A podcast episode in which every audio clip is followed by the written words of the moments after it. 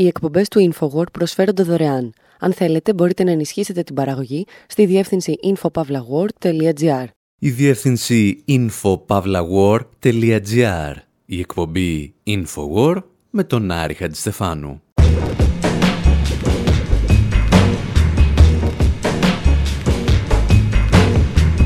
Όπου σήμερα παίζουμε νομικές σφαλιάρες με δικηγόρους εταιριών που νομίζουν ότι μπορούν να φημώσουν την ελευθερία του τύπου. Ανατιναζόμαστε από έκπληξη όταν μαθαίνουμε ότι μια δημοσιογράφος στη Μάλτα αντιμετώπιζε τουλάχιστον 40 αγωγές για λίβελο πριν δολοφονηθεί. Τραγουδάμε μαζί με τον Τζον Όλιβερ για μια δικαστική αγωγή που δεν πήγε και πολύ καλά και θυμόμαστε τα McDonald's να πραγματοποιούν ίσως το μεγαλύτερο επικοινωνιακό λάθος στην ιστορία του καπιταλισμού. Αφιερώνουμε δηλαδή την εκπομπή στο συνάδελφο Τάσο Σαραντή, την εφημερίδα των συντακτών και όλους τους δημοσιογράφους αλλά και τους ακτιβιστές που σύρονται στα δικαστήρια από πολιτικούς και εταιρείες.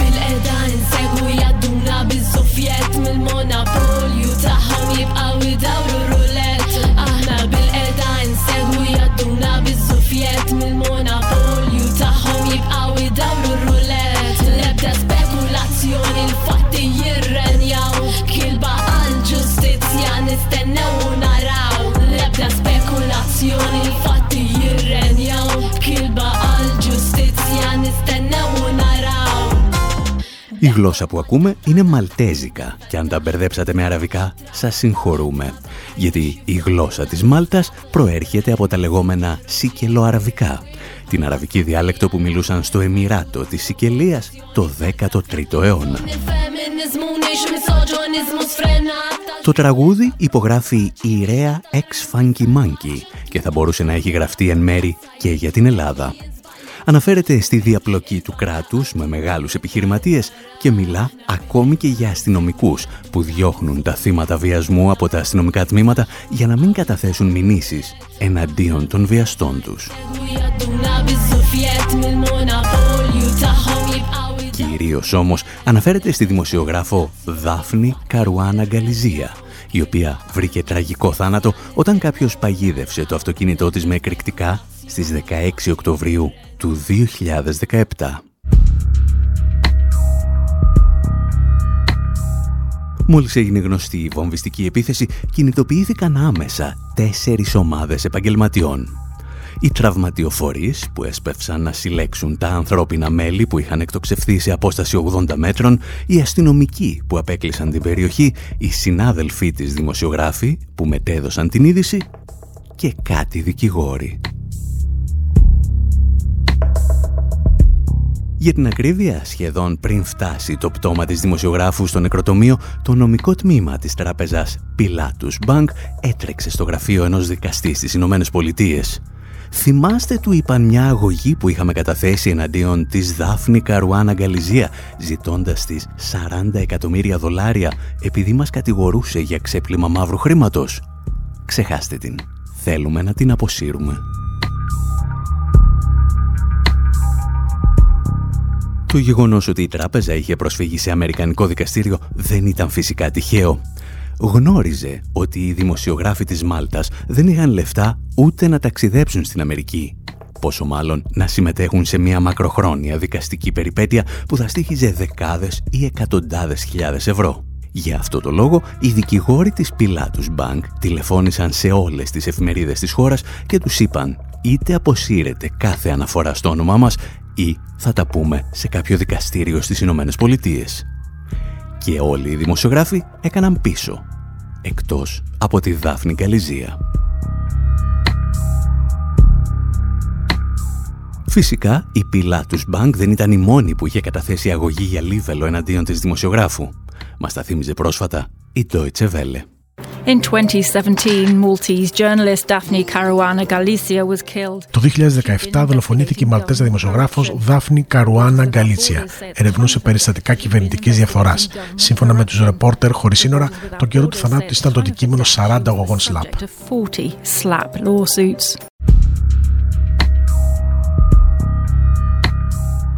Το SLAP, εάν δεν σας λέει κάτι η λέξη, είναι το θέμα της σημερινής μας εκπομπής και θα το εξηγήσουμε σύντομα.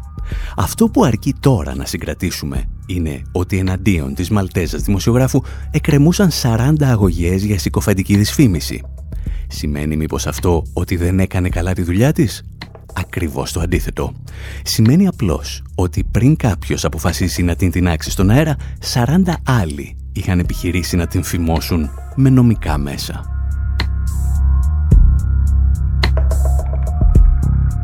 Προφανώς δεν συγκρίνουμε σε καμία περίπτωση τα μέσα που χρησιμοποιήθηκαν. Οφείλουμε όμως να σημειώσουμε πως όλοι οι αντίπαλοι της δημοσιογράφου είχαν ένα κοινό στόχο. Να σταματήσουν τα δημοσιεύματα που τους ενοχλούσαν. Προφανώς οι βομβιστές τα κατάφεραν καλύτερα. Αλλά εμείς σήμερα θα ασχοληθούμε με τους δικηγόρους.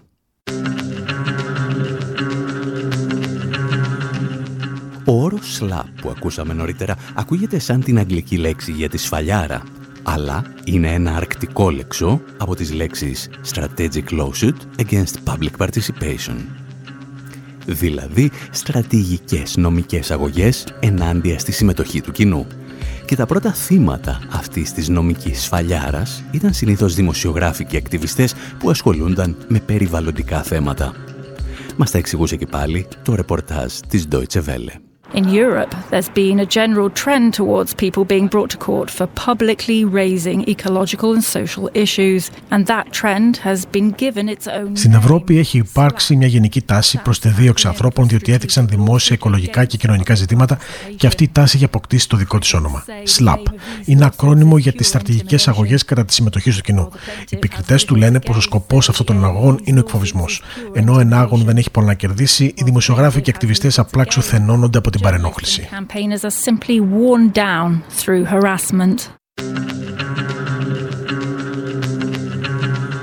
Το μυστικό για να καταλάβουμε τη σημασία του ΣΛΑΠ είναι ότι ο ενάγων δεν ενδιαφέρεται να κερδίσει τη δίκη. Θέλει απλώς να τρομοκρατήσει τον εναγόμενο για να σταματήσει να μιλάει. Για την ακρίβεια, όπως θα δούμε στη συνέχεια, ο ενάγων προτιμά να μην φτάσει καν στην αίθουσα του δικαστηρίου.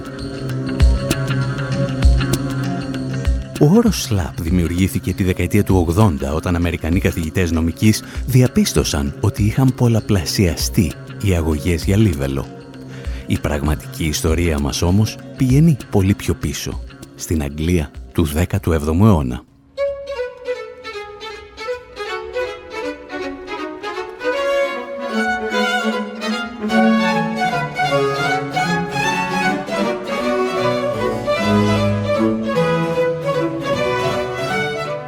Στις αρχές του 17ου αιώνα λοιπόν, το λεγόμενο κοινό δίκαιο της Αγγλίας άρχισε να περιλαμβάνει αναφορές και ποινές για τον Λίβελο. Οι συγκεκριμένοι κανόνες όμως είχαν μια μικρή παραξενιά. Εάν κάποιος σε κατηγορούσε ότι τον συκοφαντής, το βάρος της απόδειξης δεν έπεφτε σε αυτόν, αλλά σε εσένα, που έπρεπε να αποδείξεις ότι δεν τον συκοφαντής. Και από τότε δικαστές, δικηγόροι και απλοί πολίτες αναζητούν τα όρια ανάμεσα στην ελευθερία του λόγου και στην προστασία από τις συκοφαντίες. Όταν βέβαια αναφερόμαστε σε σλαπ, αυτά τα ζητήματα είναι λιμένα. Γιατί οι συγκεκριμένες αγωγές απλώς εκμεταλλεύονται τον νόμο για να τραμπουκίσουν ανθρώπους που έχουν κάτι σημαντικό να καταγγείλουν. Η Deutsche Welle έρχεται και πάλι να μας προσφέρει ένα παράδειγμα. Environmental activist Carl Bear is also being sued. He'd been campaigning against the use of pesticides in apple plantations in South Tyrol, Italy. Ο περιβαλλοντικός ακτιβιστής Καρλ Μπέρ έχει επίσης δεχθεί αγωγή. Έκανε εκστρατεία κατά της χρήσης παρεστοκτώνων στι καλλιέργειε μήλου στο νότιο Τυρόλο στην Ιταλία. Πρώην υπάλληλος του Ινστιτούτου Περιβάλλοντος του Μονάχου, σήμερα ο Καρλ Μπέρ είναι μέλος του Γερμανικού Κοινοβουλίου. Αντιμετωπίζει κατηγορίες για δυσφήμιση. Το 2017 ο Μπέρ ξεκίνησε καμπάνια κατά της εκτενούς χρήσης τοξικών παρεστοκτώνων στη μονοκαλλιέργεια μήλου του Νότιο Τυρόλο. Το Περιφερειακό Συμβούλιο, όπως και 1.400 καλλιεργητές ερευνητέ Μήλου κατέθεσαν ποινική δίωξη εναντίον του. Ύστερα από έρευνες, ο Καρλ Μπέρ και το Ινστιτούτο Περιβάλλοντος δηλώνουν ότι έχουν αποδείξεις για κάθε ένα παρασιτοκτόνο. Η αγωγή όμως τους έχει κοστίσει τεράστιο ποσό χρόνου και χρημάτων. Πέρα από το κόστος ταξιδιών και μεταφράσεων, ο Μπέρ ζει με την ψυχολογική πίεση που αισθάνονται και πολλοί άλλοι που αντιμετωπίζουν παρόμοιες διώξεις εκφοβισμού. Ο ίδιος μάλιστα υποστηρίζει ότι υπάρχουν πολλοί που βρίσκονται σε χειρότερη μοίρα από αυτόν.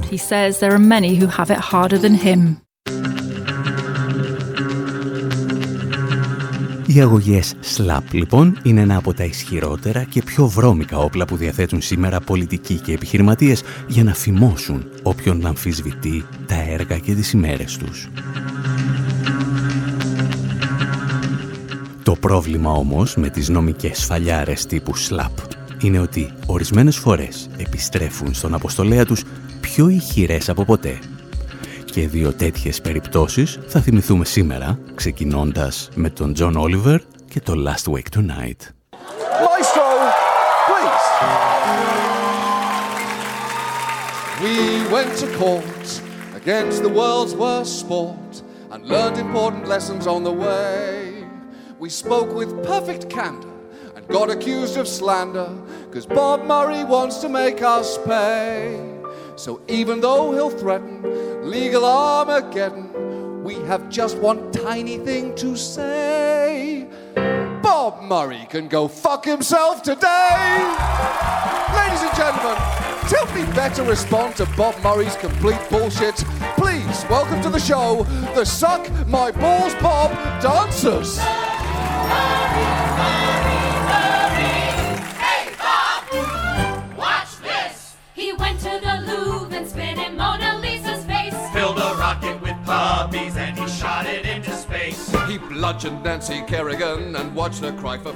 Το τραγουδάκι που ακούμε προέρχεται από ένα μουσικό χορευτικό υπερθέαμα που έστησε στους δρόμους της Νέας Υόρκης ο κομικός Τζον Όλιβερ όταν έμαθε ότι δεν απειλείται πλέον από τον βασιλιά των ορυχείων άνθρακα Μπομπ Μάρεϊ ο οποίος Μάρεϊ είχε καταθέσει εναντίον του αγωγή για συκοφαντική δυσφήμιση.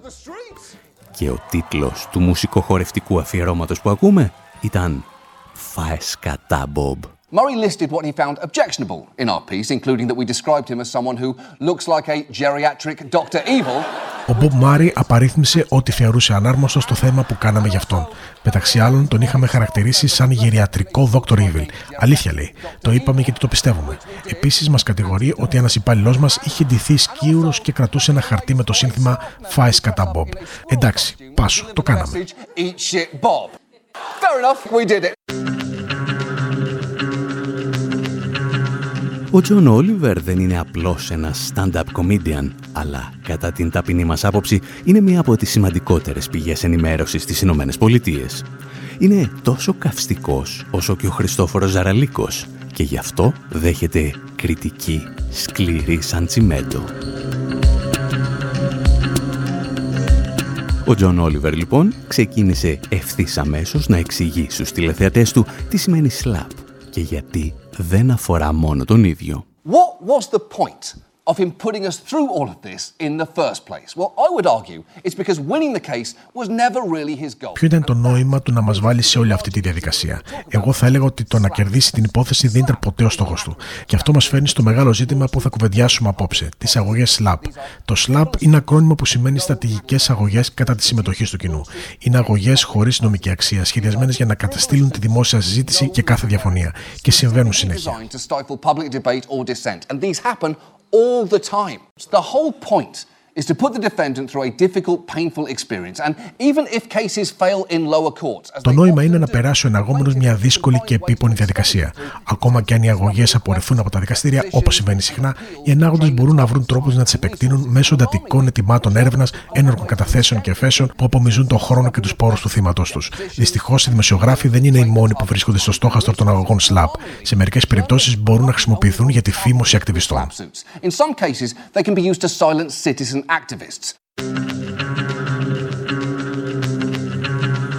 Ο Μπομπ Μάρεϊ λοιπόν δεν ενδιαφερόταν να κερδίσει τη δίκη, αλλά απλώς να εξοντώσει οικονομικά και ηθικά τον αντίπαλό του.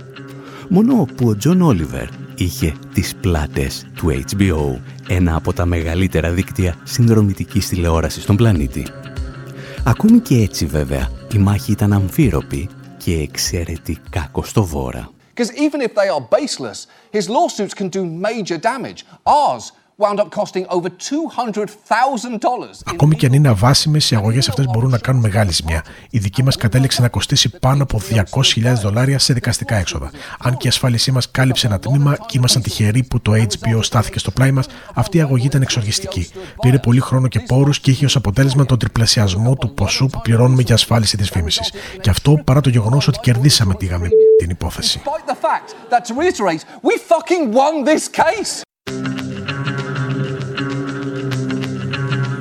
Προφανώς, ο Τζον Όλιβερ αποτελεί την εξαίρεση σε αυτή την υπόθεση γιατί είχε τις πλάτες που του επέτρεψαν να συνεχίσει μέχρι το τέλος.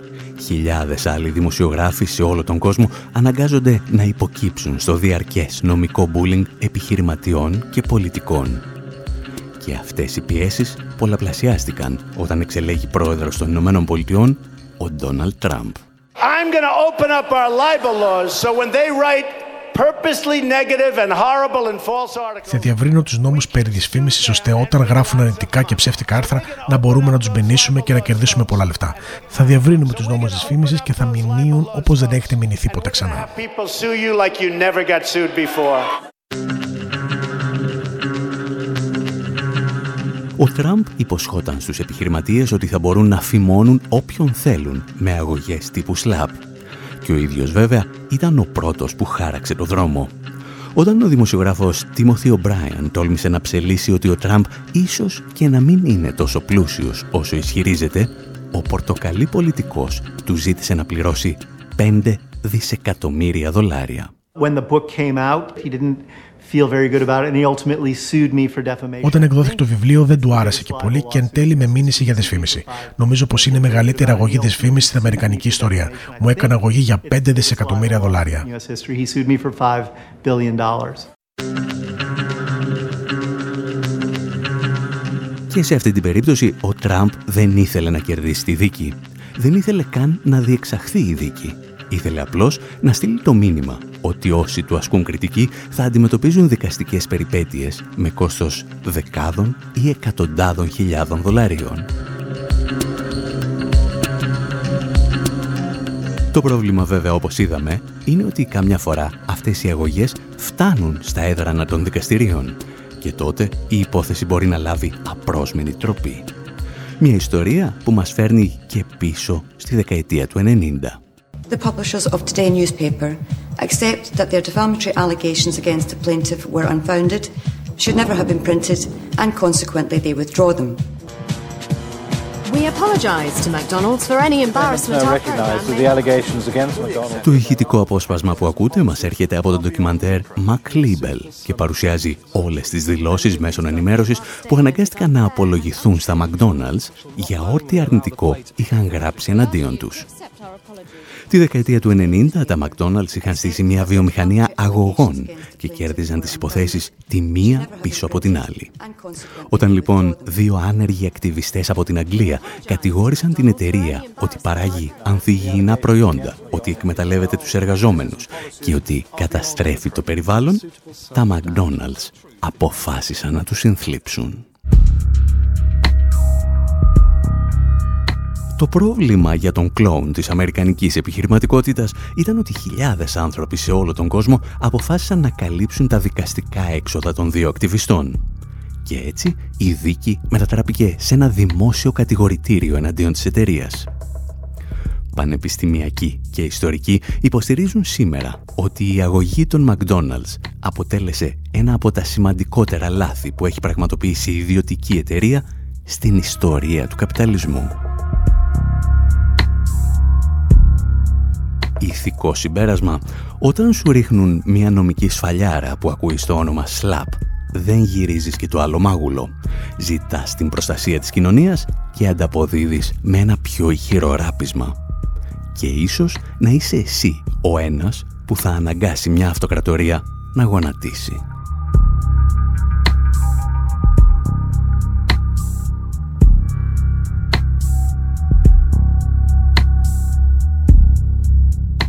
Γιατί τα λέμε όλα αυτά, γιατί δεκάδες συνάδελφοί μας στην Ελλάδα βρίσκονται όλο και συχνότερα αντιμέτωποι με αγωγές τύπου SLAP για να σταματήσουν να κάνουν τη δουλειά τους. Το πιο πρόσφατο παράδειγμα είναι ο Τάσος Αραντής από την Εφημερίδα των Συντακτών, ένας από τους σημαντικότερους και καλύτερους δημοσιογράφους ερευνητές σε θέματα περιβάλλοντος και όχι μόνο. Η εταιρεία WRE Ελλάς κατέθεσε εναντίον του και εναντίον της εφημερίδας των συντακτών αγωγή ζητώντας 225.000 ευρώ. Και όταν η ΕΣΥΑ στάθηκε στο πλευρό του ζητώντας να σταματήσει η βιομηχανία διώξεων, η εταιρεία έστειλε εξώδικο και στην ΕΣΥΑ. Τις λεπτομέρειες της υπόθεσης σας παρακαλούμε να διαβάσετε στην εφημερίδα των συντακτών αλλά και στο info.pavlawar.gr όπου θα παρακολουθούμε τη δικαστική διαδικασία. Και επειδή μέχρι να ακούσετε και το δεύτερο μέρος εκπομπής μπορεί να έχουμε αρπάξει και εμείς καμία αγωγή, μένετε εδώ γιατί θέλουμε παρέα.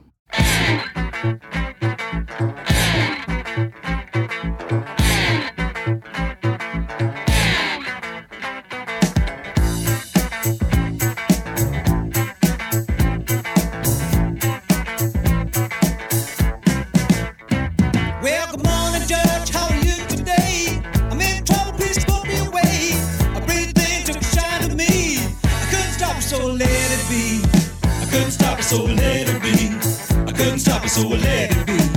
I couldn't stop it, so I let it be.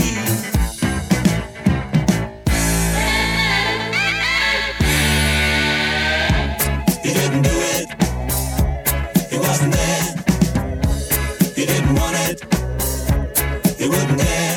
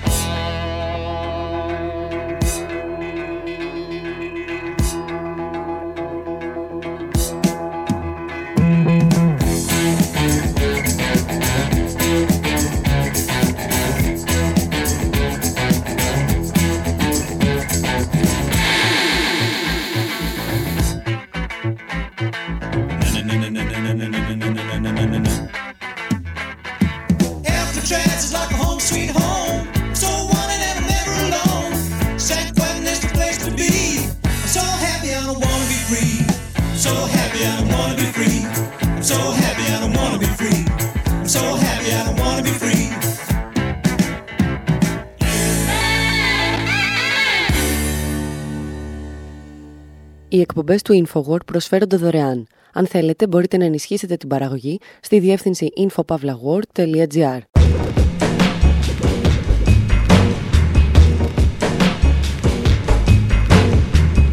εκπομπής Infowar, μέρος δεύτερο, όπου αφού πιάσαμε στο στόμα μας τα McDonald's, σκεφτόμαστε να συνεχίσουμε με μερικές ιστορίες για αυτά. Φέτος συμπληρώνονται 85 χρόνια από την ημέρα που οι αδερφοί McDonald έστησαν μία καντίνα για να πουλάνε hot dog. Και αυτή είναι η ιστορία της αποτυχίας τους.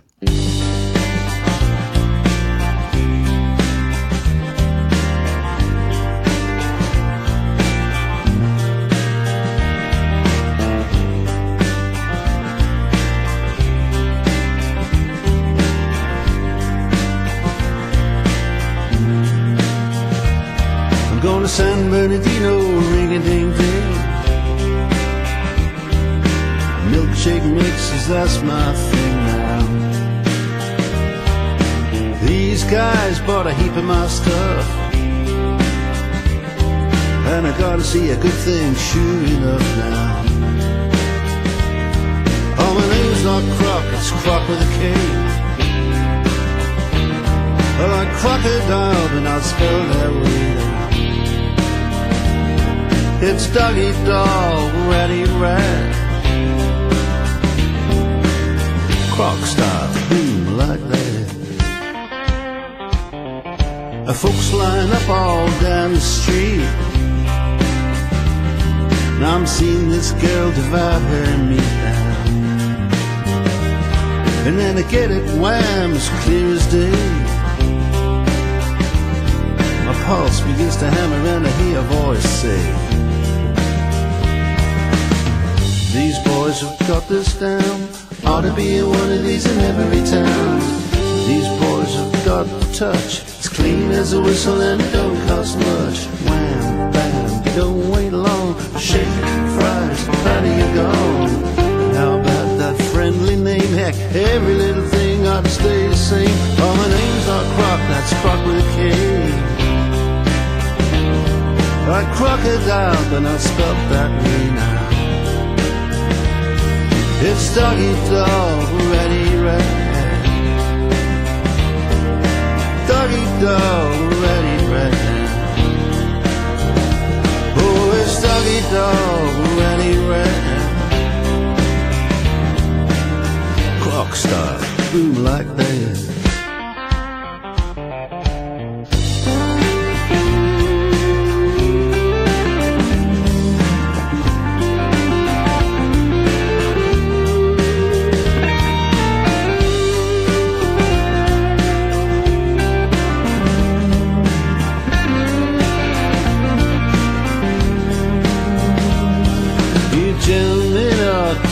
You're gonna need a helping hand now. So, gentlemen, well, what about me? We'll make a little business history. Oh, my name's not Croc, call me Ray. I like crocodile, but not spelled that way now. It's doggy dog, ready, right. Clock stop, boom like that.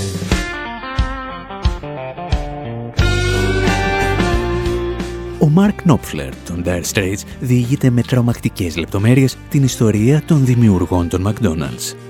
Μια ιστορία με τόσο έντονα τα στοιχεία του καπιταλισμού που σε κάνει να ανατριχιάζεις. Για την ακρίβεια, το τραγούδι διηγείται την ιστορία του ανθρώπου που κατέστρεψε τους δημιουργούς των McDonald's, παίρνοντάς τους ακόμη και το πατρογονικό τους επίθετο για να πουλάει χάμπουργκερ. Να μην με λένε κρόκ, ακούσαμε στο τραγούδι, εάν δεν τα καταφέρω. Και αυτό το κρόκ δεν γράφεται με κάπα, αλλά με σι, όπως ο κροκόδιλος. Κροκοντάιλ. Ο κρόκ της ιστορίας μας είναι ο περίφημος Αμερικανός επιχειρηματίας Ray Kroc, ένας άνθρωπος που ξεκίνησε την επαγγελματική του σταδιοδρομία πουλώντας χάρτινα κύπελα για καφέ και ύστερα το γύρισε στα milkshakes. Για την ακρίβεια, όπως εξηγούσε ένα από τα πρώτα βιογραφικά ντοκιμαντέρ για τον Ray Kroc, έγινε ο μοναδικός αντιπρόσωπος μιας μηχανής για milkshake. In 1939, Kroc saw value in a new device one of his customers had built.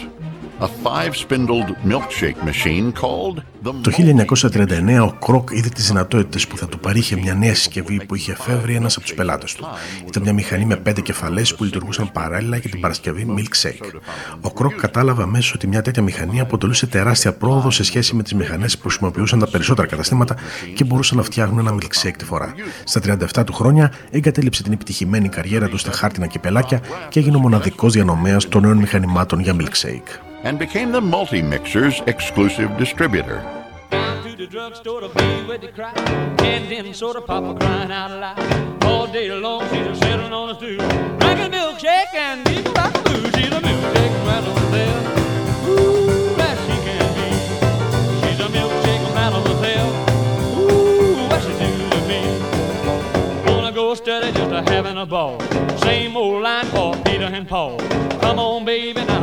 Come on, baby, now give me her date. You can't get your kicks from an whole milkshake. She's a milkshake mademoiselle. Ooh, she can be, uh, but she's a milkshake mademoiselle. Ooh, what you do to me, yeah.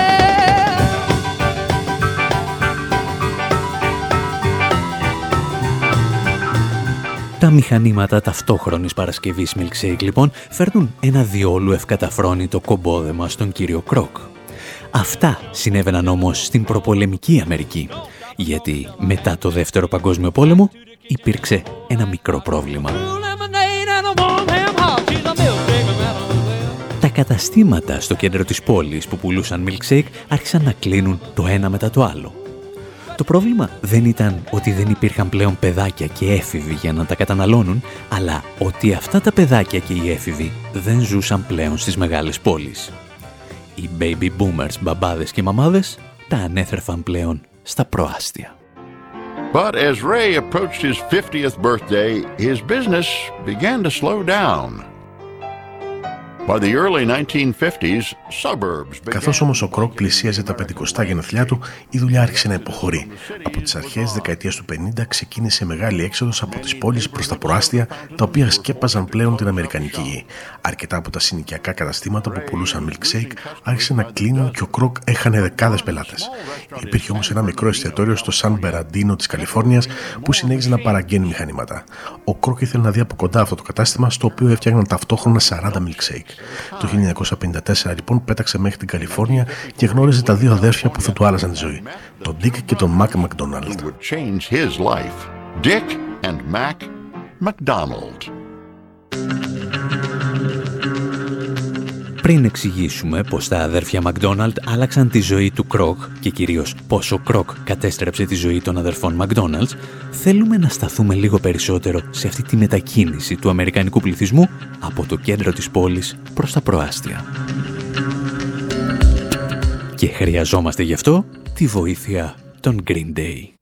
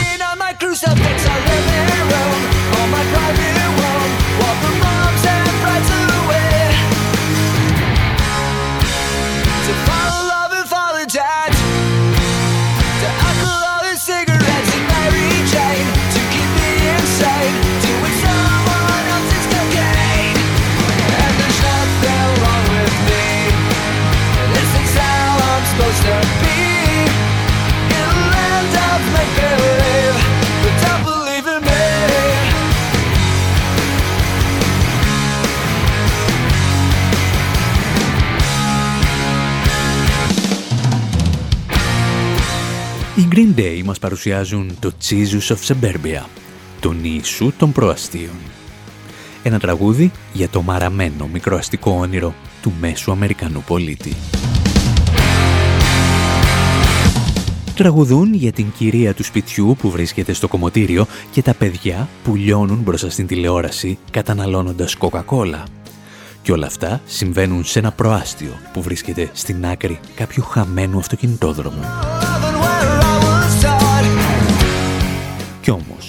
Αυτά ακριβώς τα χαρακτηριστικά, δηλαδή ένα ιδιόκτητο σπίτι που συνδέεται με κάποια μεγάλη πόλη μέσω ενός αυτοκινητόδρομου, στον οποίο μπορούσες να ταξιδέψεις με ένα γεωταχή αυτοκίνητο, αποτελούσαν την πεμπτουσία του Αμερικανικού ονείρου. Για την ακρίβεια ήταν ο μηχανισμός που χρησιμοποίησε το Αμερικανικό οικονομικό σύστημα για να πετύχει την μεταπολεμική ανάπτυξη. Τα εξηγούσε πριν από χρόνια η καθηγήτρια ιστορίας του Πανεπιστημίου του Χάρβαρτ, Liz Cohen. a long period of a Great Depression during the 1930s, then World War II, where which finally brought the United States out of that depression. Είχαμε μια μακρά περίοδο της μεγάλης ύφεσης στη δεκαετία του 30 και ύστερα ήρθε ο δεύτερος παγκόσμιος πόλεμος, ο οποίος ουσιαστικά έβγαλε τις ΗΠΑ από την ύφεση. Υπήρξε λοιπόν το ερώτημα μετά τον πόλεμο για το τι θα μπορούσε να συντηρήσει την ανάκαμψη της Αμερικανικής οικονομίας. Τι θα κάνουμε τώρα που δεν κατασκευάζουμε μαχητικά αεροπλάνα, τάγκς και όπλα; Φυσικά ο ψυχρός πόλεμος προσέφερε κάποιες λύσεις. Η βασική αλλαγή όμως ήταν ότι υιοθετήθηκε η παραγωγή προϊόντων μαζικής κατανάλωσης. Θα μετέτρεπαν λοιπόν τα εργοστάσια που κατασκεύαζαν αεροπλάνα ώστε να κατασκευάζουν αυτοκίνητα. Θα έφτιαχναν οικιακέ συσκευές εκεί που έφτιαχναν οπλικά συστήματα. Η Αμερικανική κοινωνία λοιπόν, όπως και η Αμερικανική οικονομία, οικοδομείται εκ νέου πάνω στη μαζική κατανάλωση. Σε αυτή τη διαδικασία εντάσσεται και η κατασκευή του μεγαλύτερου καταναλωτικού προϊόντος, ενός σπιτιού. Και φυσικά χρειαζόταν ένα αυτοκίνητο για να πας σε αυτό το σπίτι, αν βρισκόταν στα προάστια. Um, a private, and you needed a car to get to that home if the, if the home was in the suburbs. Το σπίτι λοιπόν στα προάστια είναι το απόλυτο καταναλωτικό αγαθό ή τουλάχιστον το μεγαλύτερο στην μεταπολεμική Αμερική. Και το αμέσως μικρότερο είναι το αυτοκίνητο, το οποίο θα σε μεταφέρει σε αυτό το σπίτι στα προάστια κάποιου μεγάλου αστικού κέντρου. Επεκτείνοντας εδώ λίγο περισσότερο την παρένθεση που κάνουμε στην ιστορία των McDonald's, πρέπει νομίζουμε να εξηγήσουμε και μία ακόμη λεπτομέρεια που αφορά την μεταφορά των Αμερικανικών οικοκυριών από το κέντρο της πόλης προς τα προάστια. Συγκεκριμένα να πούμε ότι τίποτα από αυτά δεν θα είχε συμβεί εάν δεν υπήρχε ο σχεδιασμός της Αμερικανικής Ομοσπονδιακής Κυβέρνησης. Ένας σχεδιασμός τόσο κεντρικός που κάνει τα πενταετή οικονομικά προγράμματα της πρώην Σοβιετικής Ένωσης να θυμίζουν πρωινά υγρά όνειρα του Μίλτον Φρίντμαν. And then we should say how it is possible that so many people became homeowners. Um, Πρέπει να εξηγήσουμε με ποιον τρόπο τόσοι άνθρωποι απέκτησαν το δικό τους ιδιοκτητό σπίτι. Κάτι τέτοιο δεν θα μπορούσε να γίνει πριν από τον πόλεμο και συγκεκριμένα πριν από την ψήφιση της νομοθεσίας για τους απόστατους στρατιωτικού. Οι βετεράνοι του πολέμου άρχισαν να λαμβάνουν επιδόματα με τα οποία μπορούσαν να πληρώνουν για τα σχολεία των παιδιών τους. Κυρίως όμως μπορούσαν να αγοράζουν σπίτια. Ένας μέσος εργαζόμενος, ένας μικρομεσαίος μπορούσε να αγοράσει ένα σπίτι. Και όλα αυτά βέβαια έγιναν λόγω της παρέμβασης της Ομοσπονδιακής κυβέρνησης. Εξίσου κομικό ρόλο έπαιξε και η ψήφιση της νομοθεσίας για την κατασκευή των αυτοκινητόδρομων. Η Αμερικανική κυβέρνηση έπαιρνε τον έλεγχο οικοπαίδων και δασικών εκτάσεων για να κατασκευάσει δρόμους. Έτσι λοιπόν μπορούσε να ζει σχετικά μακριά από την πόλη, αλλά να οδηγεί μέχρι το εργοστάσιο ή το γραφείο που βρισκόταν στο κέντρο της πόλης.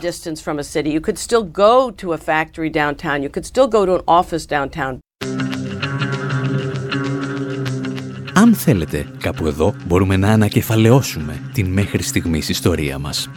Ο Αμερικανικός καπιταλισμός μετά το Δεύτερο Παγκόσμιο Πόλεμο ποντάρει τα λεφτά του στον καταναλωτισμό το μεγαλύτερο καταναλωτικό αγαθό είναι ένα σπίτι στο οποίο πηγαίνεις με ένα αυτοκίνητο. Και όλα αυτά τα κάνεις γιατί το κράτος σου έδωσε τη δυνατότητα να αγοράσεις το σπίτι και έχτισε τους αυτοκινητόδρομους για να κουνάς το αυτοκίνητό σου. Το αποτέλεσμα βέβαια ήταν ότι ένας αντιπρόσωπος για μηχανήματα milkshake κόντεψε να χρεοκοπήσει, καθώς τα μαγαζιά στο κέντρο της πόλης έκλειναν το ένα μετά το άλλο. Και έτσι πήρε το αεροπλάνο για να γνωρίσει δύο αδέρφια, τα οποία συνέχιζαν να παραγγέλνουν από αυτόν μηχανήματα για milkshake, κάπου στο Σαν Μπερναντίνο. Πρόκειται για τους αδερφούς Μακδόναλτ, τα παιδιά δύο μεταναστών από την Ιρλανδία. Παρεπιπτόντος, αυτή ακριβώς είναι η ιστορία την οποία μας διηγείται και η ταινία «Ο ιδρυτής μιας αυτοκρατορίας» με τον Μάικλ Κίτον. I know what you're thinking. How the heck does a 52-year-old, over-the-hill milkshake machine salesman build a fast food empire with 1600 restaurants; Ξέρω τι σκέφτεστε. Πώς μπορούσε ένας τελειωμένος 50διάχρονο πολιτής μηχανών milkshake να στήσει μια αυτοκρατορία με 1600 εστιατόρια και ετήσια έσοδα 700 εκατομμυρίων δολαρίων; Μια λέξη. Επιμονή. One word. Persistence. Κάπου εδώ όμως, όπως καταλαβαίνετε, ξεκινούν τα δικά μας προβλήματα. Γιατί στην πραγματικότητα αυτό που έκανε ο ήρωας της ταινίας, δηλαδή ο Ρέι Κρόκ, είναι να πετάξει τους αδερφούς Μακδόναλτ έξω από την επιχείρησή τους. Τα δύο αδέρφια είχαν ανοίξει το πρώτο κατάστημά τους στις 15 Μαΐου του 1940 η μεγάλη τους επιτυχία ήταν ότι κατάφερναν να μεταφέρουν ένα χάμπουργκερ από την ψισταριά μέχρι τον πελάτη μέσα σε 30 δευτερόλεπτα. Η έννοια του εστιατορίου δεν θα ήταν πια ποτέ ίδια. Ο Κροκ όμως τους έπεισε να αναπτύξουν την αλυσίδα τους με τη μέθοδο του franchise και είχε πολύ συγκεκριμένες ιδέες για το πώς θα μπορούσαν να αυξήσουν τα κέρδη, ρίχνοντας την ποιότητα των προϊόντων τους. Όταν τα αδέρφια Μακδόναλτ αρνήθηκαν να ακολουθήσουν τις συμβουλές του, αυτός δημιούργησε μια εταιρεία η οποία αγόρασε όλα τα οικόπεδα πάνω στα οποία βρίσκονταν τα καταστήματα των Μακδόναλτ. Και λίγα χρόνια αργότερα είχε πετάξει τα δύο αδέρφια έξω από την επιχείρησή τους. Όταν μάλιστα οι αδερφοί Μακδόναλτ άνοιξαν ένα καινούριο κατάστημα, συνειδητοποίησαν ότι δεν μπορούσαν πλέον να το ονομάσουν Μακδόναλτ και έπρεπε να το ονομάσουν The Big M. Και ο Ray Kroc αμέσως άνοιξε δίπλα τους ένα McDonald's αναγκάζοντάς τους να κλείσουν το δικό τους κατάστημα και να γυρίσουν στα σπίτια τους. Κάπου εδώ όμως λέμε να σας αφήσουμε και για αυτή την εβδομάδα.